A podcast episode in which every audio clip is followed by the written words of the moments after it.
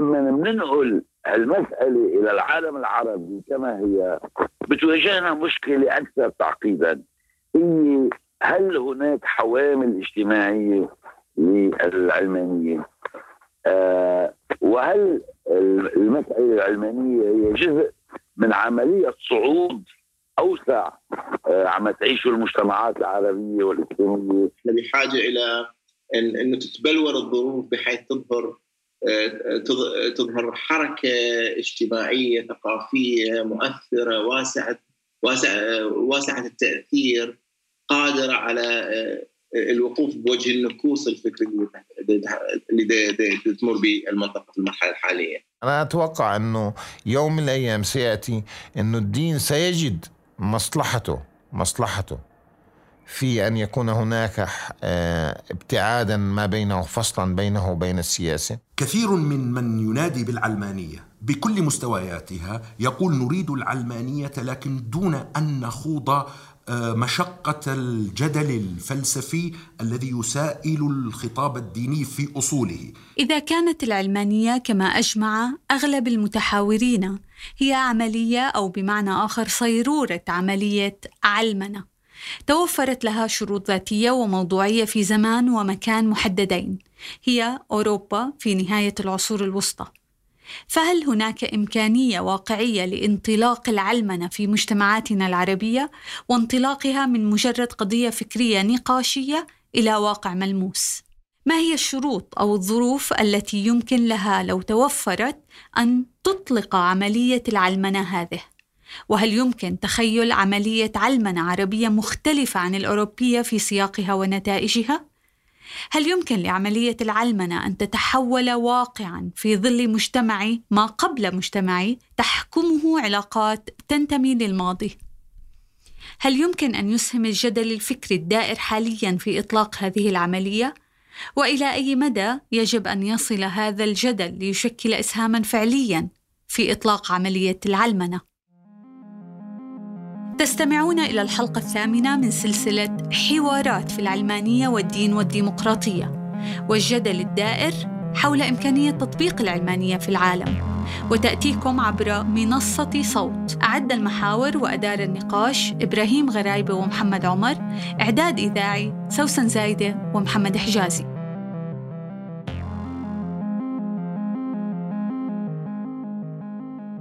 لا تستقيم عملية العلمنة بدون توفر أمرين. الديمقراطية فالعلمانية تقتضي وجود ديمقراطيين حقيقيين والحامل الاجتماعي أي القوى الذاتية صاحبة المصلحة في العلمنة.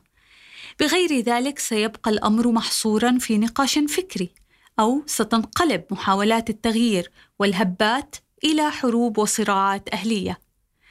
وذلك لغياب التعاقد الاجتماعي عندنا. كما يرى الباحث والكاتب حازم صاغية. لما بننقل المسألة إلى العالم العربي كما هي بتواجهنا مشكلة أكثر تعقيدا هي هل هناك حوامل اجتماعية للعلمانية آه وهل المسألة العلمانية هي جزء من عملية صعود أوسع آه عم تعيشه المجتمعات العربية والإسلامية؟ أم أن هذا من حاصل وبرأيي آه للأسف الشديد هذا من حاصل ولهالسبب لهالسبب بنلاقي تقريبا بنسبة 90% العلماني غير ديمقراطي والديمقراطي غير علماني. يعني في طرف بده آه آه يعلمن الحياة ليضمن الحد من نفوذ وتأثير الأكثرية الدينية أو المذهبية.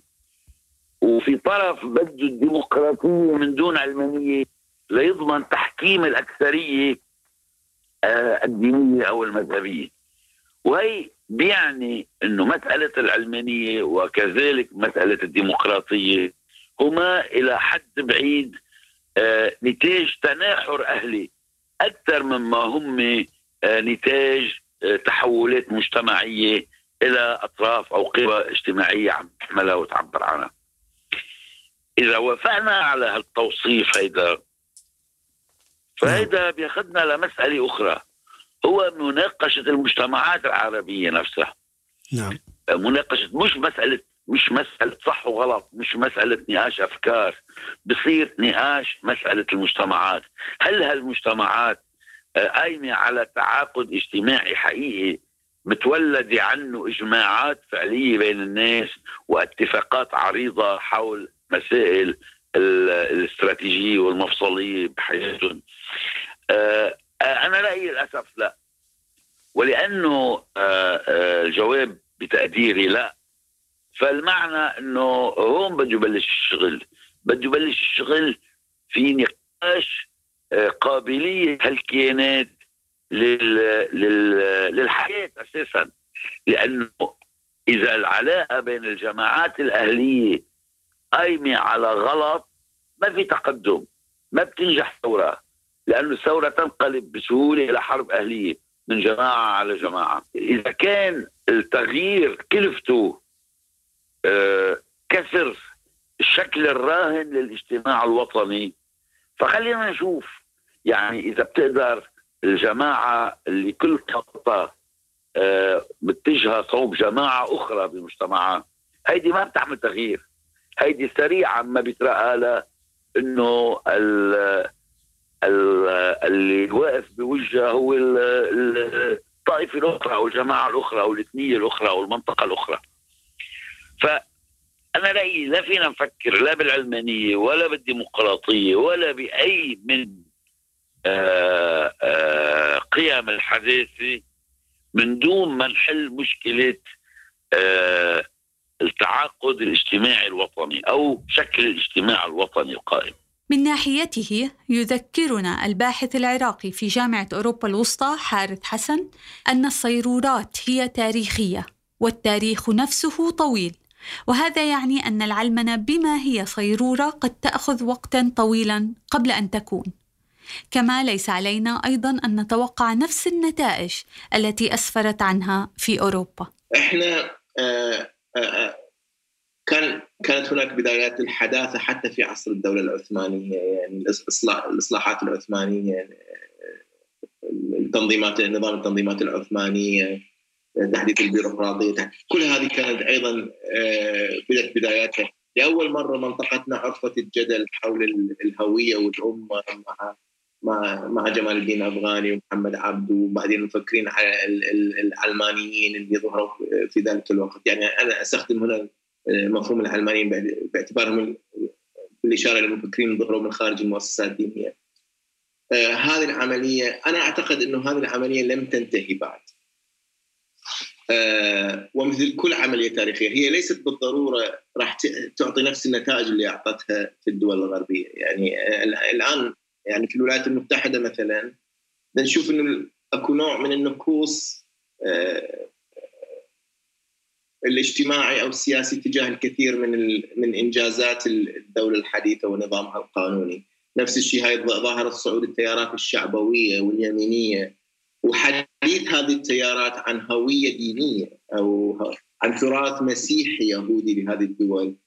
أيضا معناته إنه التاريخ عملية غير مكتملة. يعني آه، الأمور لا, لا يعني لا, لا تتوقع إنه دائما راح آه، التطبيقات نفسها راح تعطي نفس النتائج في كل مكان.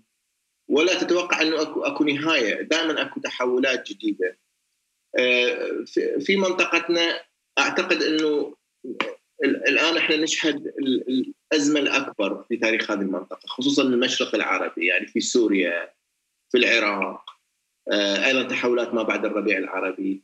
الآن سؤال الهوية وسؤال الدولة آه، رجع بثقل كبير.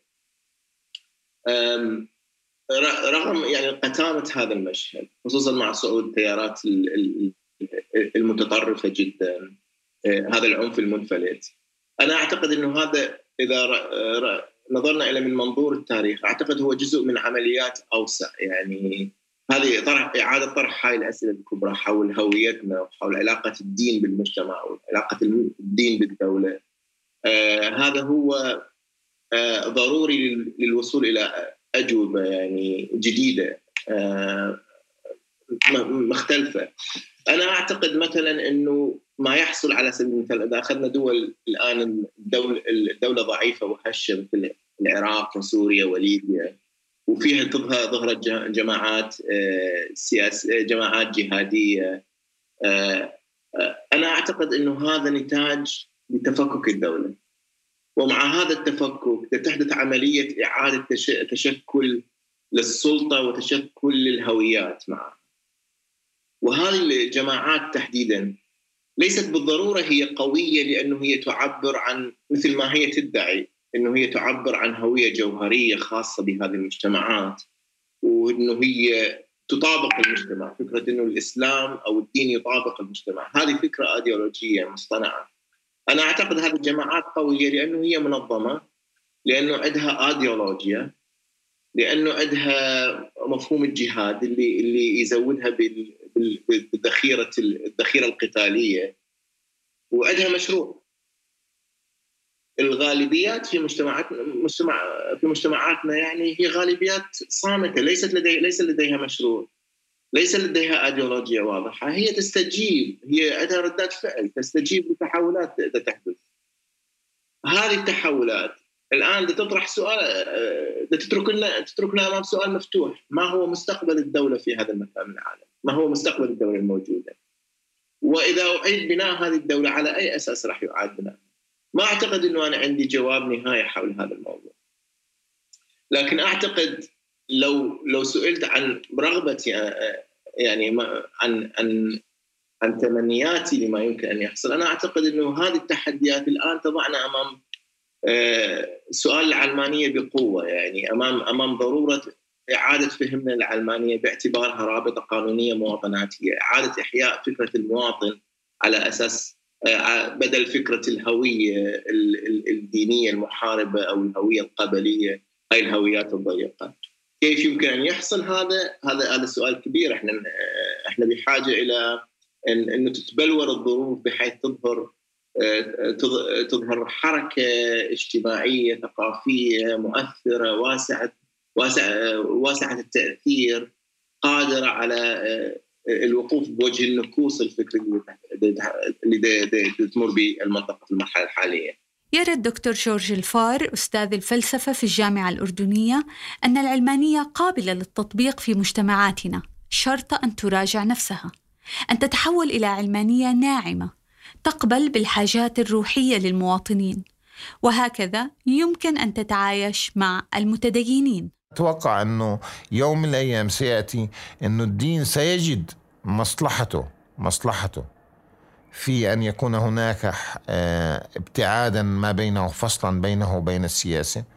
بحيث أنه يهتم هو بالشأن الديني الشأن الأخروي والحياتي اهتمام ويركز على الروحانية أكثر من تركيزه على الصراع نحو السلطة. المحامية أسماء خضر رئيسة معهد التضامن ترى في تغييب الطبقة الوسطى فقدان للتنوير والعلمانية لحاملها الاجتماعي وبالتالي تغييب لقيادة شعبية وتراها في التعليم والكفاح من أجل الديمقراطية.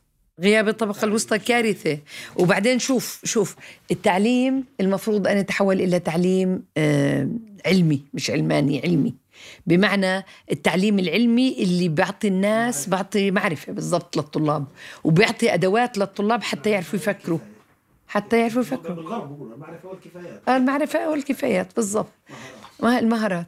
فالتعليم كله حتى اللي هلأ عم بتركز عليه على إنه هو الأساس أنا برأيي مش هو الأساس. توجيهي ومش التوجيهي وامتحان ومش امتحان. مش هذا هو الموضوع. إذا كانت العلمانية ليست قضية نقاش فكري فهذا لا يعني ضرورته سواء كانت نتيجة للمتغيرات التي تشهدها المنطقة أو لمحاولة بلورة إجماعات حول العلمانية التي نريد. لكن ما قد يسمح بانطلاق عملية علمنة في السياق العربي يحتاج إلى نقد أعمق. وخصوصا للدين. حسب رأي الدكتور نارت خاخون أستاذ الأدب المقارن في جامعة آل البيت في الأردن. كثير من من ينادي بالعلمانية. بكل مستوياتها يقول نريد العلمانية لكن دون أن نخوض مشقة الجدل الفلسفي الذي يسائل الخطاب الديني في أصوله. يعني آه، لا نريد أن نراجع المرجعية الدينية ولا نريد أن آه، نقوم بدراسة نقدية حقيقية للإطار الديني والمنظور الديني ولنقبل بعلمانية تطرح هذا الطرح لأنه آه، في فضائنا المجتمعي لماذا لا نترك الأمر للخبرة الإنسانية والتجربة الإنسانية والاختيار الإنساني دون أن يعي هذا الذي يطرح هذا الطرح كما تفضلتم وكما قلت قبل ذلك وبعده أن جزءا كبيرا من المتدينين يرى أن نزوله إلى هذه المرحلة من مرحلة الاختبار هو ترك لقيمة ولشيء ميزه الله به بواسطة الدين. وكأنك تقول له افرض أن الأنبياء لم يأتوا وافرض أن الرسالات لم تأتي وافرض أن الكتب لم تنزل فماذا نفعل؟ فيقول لك لماذا تريدني أن أخوض فرضية عدم وجود كل هذه الأمور في وجودها؟ لماذا تريدني أن أترك هذه الأمور؟ فهنا لابد أن ننقل السؤال والبحث عن الإطار عن الأسس المرجعية هذه الأسس الفلسفية في قضية الوحي في قضية النبوة في قضية الرسالة في كل هذه القضايا وأظن وأعتقد أن الخوض في مثل هذه الأمور في سياقنا الثقافي الراهن محفوف بالكثير من المخاطر ومحفوف بالكثير من التبعات التي يمكن أن تجعل كما يقال كثير من المفكرين والباحثين وال بين قوسين المتفلسفين أو الفلاسفة في العالم العربي يفضلون إرجاء هذا البحث وإرجاء هذا السؤال. وفي حاشية صغيرة يعني كتبها الجابري على أحد كتبه أشار إلى أن السؤال العلماني بالمعنى الجذري تعليقا على طروحات عادل ظاهر في الأسس الفلسفية للعلمانية آه، ليس له محل من الزمان في السياق العربي. يعني طرح هذه الأسئلة بمستوى الأسئلة الفلسفية التي قدمت في كتاب عادل آه، ظاهر الأسس الفلسفية للعلمانية آه، الزمان الذي نحن فيه والسياق الذي نحن فيه ليس مناسبا لطرح هذه الأسئلة الفلسفية. فلننتقل إلى ما بعدها. المشكلة الانتقال إلى ما بعد هذه الأسئلة هو فرع عن إجابتنا لهذه الأسئلة الأولى. فكيف ننتقل إلى الفروع ونحن لم نحدد بعد خياراتنا في الأصول والأسئلة الأولى؟ ولذلك يقع الجدل العلماني الديني بطريقة أو بأخرى فيما سميته وكتبت فيه بصراع الشرفات أو صراع البرندات والبلكونات. في المجمل لا يقول أحد هنا باستحالة علمنة الدولة العربية أو انطلاق عملية علمنة فالمجتمعات العربية ليست محض جوهرانية غير قابلة للتطور أو التغيير لكن هذه العملية تحتاج اولا لكفاح من أجل صياغة عقد اجتماعي كي لا تتحول الصراعات والثورات إلى حروب أهلية بين الجماعات المكونة للمجتمعات العربية. وعملية العلمنة ليست آلية ميكانيكية ولا تحدث بين يوم وليلة إنما قد تمتد عقودا. فالتاريخ نفسه طويل وقد انطلقت فعلا هذه العملية. لكن ليس بالضرورة أن تنتج أو تكون مخرجاتها نفي المخرجات التي عرفناها في مجتمعات سابقة. تتطلب العلمانية حاملا اجتماعيا. قد يتمثل في قيادات شعبية من الطبقة الوسطى أو تبلور تيار ثقافي اجتماعي ديمقراطي يحمل هذا المشروع ويناضل لأجله. وأخيرا فإن هذه العملية التي قد تكون بدأت حقا تحتاج إلى أن يرافقها حالة جدل فكري تذهب عميقا في نقد السلطة والأصول وليس تأخير النقاش في هذه الأصول بحجة عدم ملائمة السياق العربي. في الحلقة القادمة سوف نتناول بعض التجارب العربية مثل تونس ولبنان والإقليمية مثل إيران وتركيا التي شكلت نماذج مختلفة سواء في الديمقراطية أو في العلمانية. محددات هذه التجارب وهل تصلح للقياس على تعايش الدين مع العلمانية أو مع الديمقراطية؟